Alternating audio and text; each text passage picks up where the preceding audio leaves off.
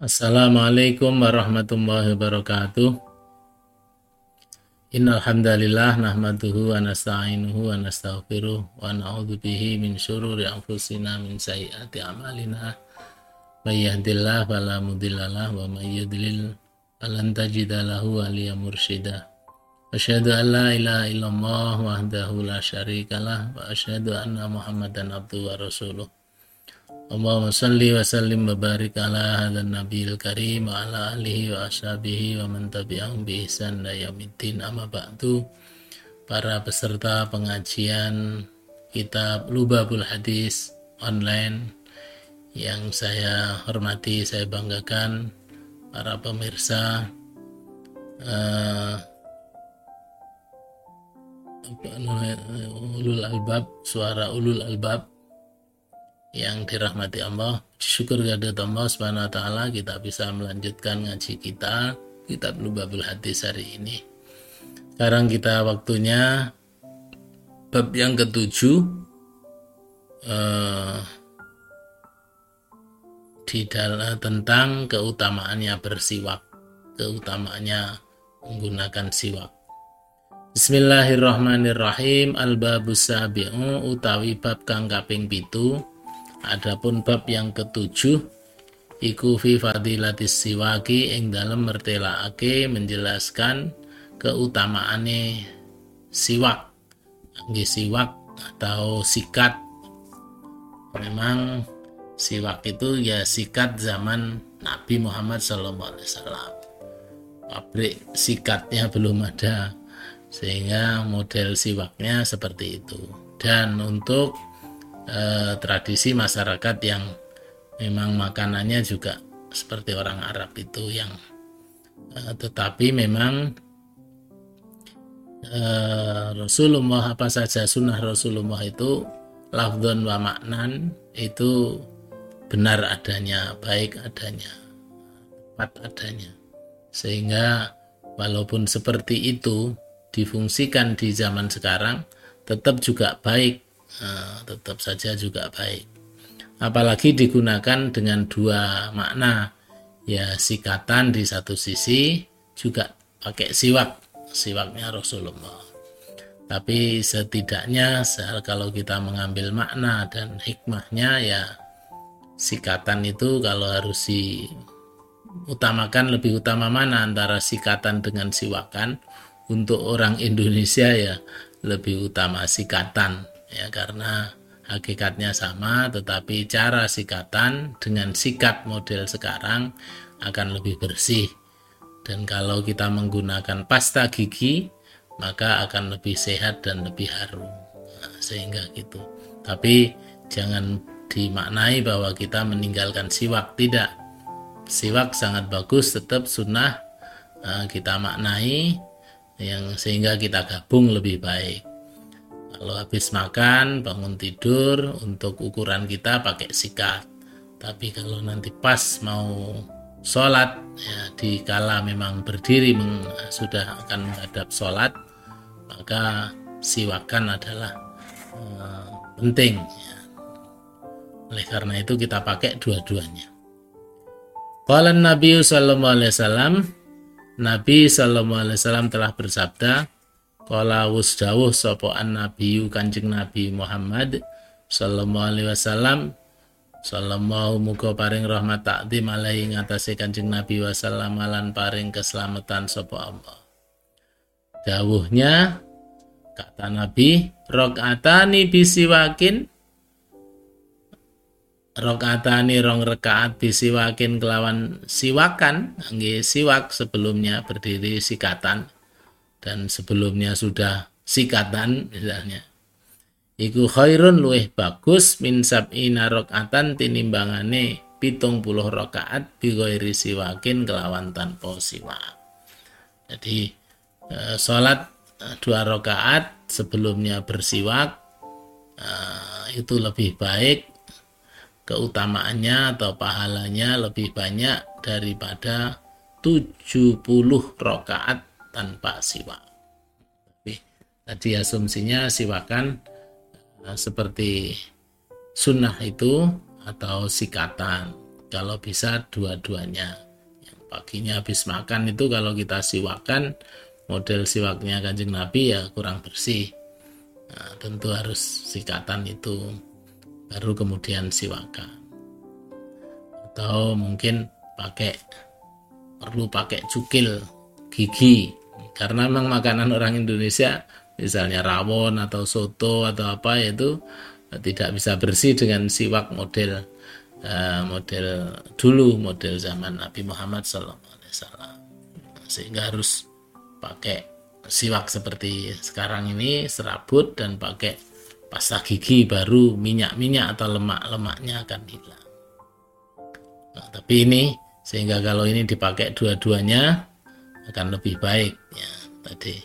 Dan sholat yang sudah sikatan dulu kemudian mau sholat nah itu nilainya lebih baik 70 kali daripada sholat yang sebelumnya tidak sikatan atau tidak siwakan.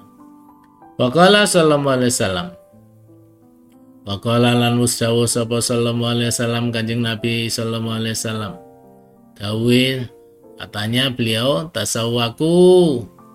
Tasawaku nganggo siwako sira kabeh bersiwaklah kalian semuanya. Pak inna siwaka monggo sak temene siwak atau sikatan iku madharotun uh, alat bersuci, alat membersihkan lil fami kanggene cangkem kanggo mulut. Pamardotun dan alat media kanggo aweh uh, oleh ridho lirobi kanggo pangeran Tuhan untuk Tuhan sebagai media sarana untuk mendapatkan ridho Allah selain dari sarana untuk membersihkan dan mensucikan mulut ya. sehingga kita supaya bersiwak minimal adalah uh, siwak konvensional siwak uh, siwak sekarang ya apa sikat gigi itu bersikat gigi atau boleh salah satu atau bersiwakan ini juga boleh ya. monggo dimaknai ganda dimaknai tradisi akan lebih baik kalau dua-duanya digunakan. Waqala sallallahu alaihi wasallam.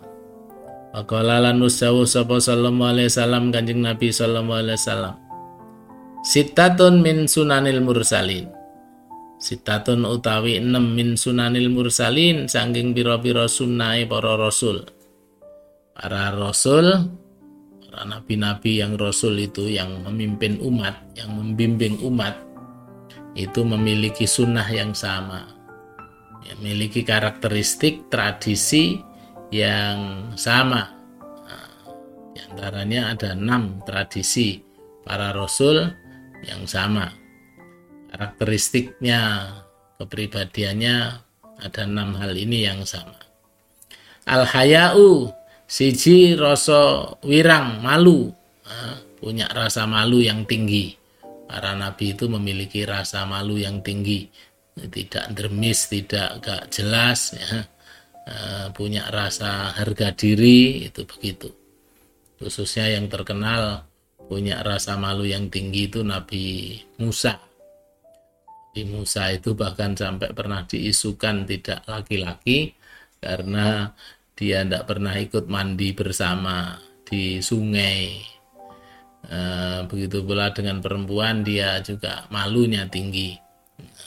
Sehingga eh, kalau berjalan dengan perempuan dia tetap harus di depan waktu diisukan itu Nabi Musa kemudian Allah membuka bahwa dia laki-laki benar itu suatu ketika eh, ketika orang banyak pada mandi di sungai itu Nabi Musa mandi jauh di di seberang sananya.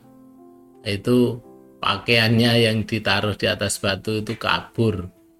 Kabur sehingga kintir ikut aliran sungai dan Nabi Musa akhirnya ngejar. Ah pada ngejar semua sehingga tahu bahwa Nabi Musa adalah laki-laki beneran. Laki-laki itu lain. Sehingga wow lanang lanang gitu akhirnya uh, apa namanya terpislah isu bahwa Nabi Musa gak lanang gitu, gitu.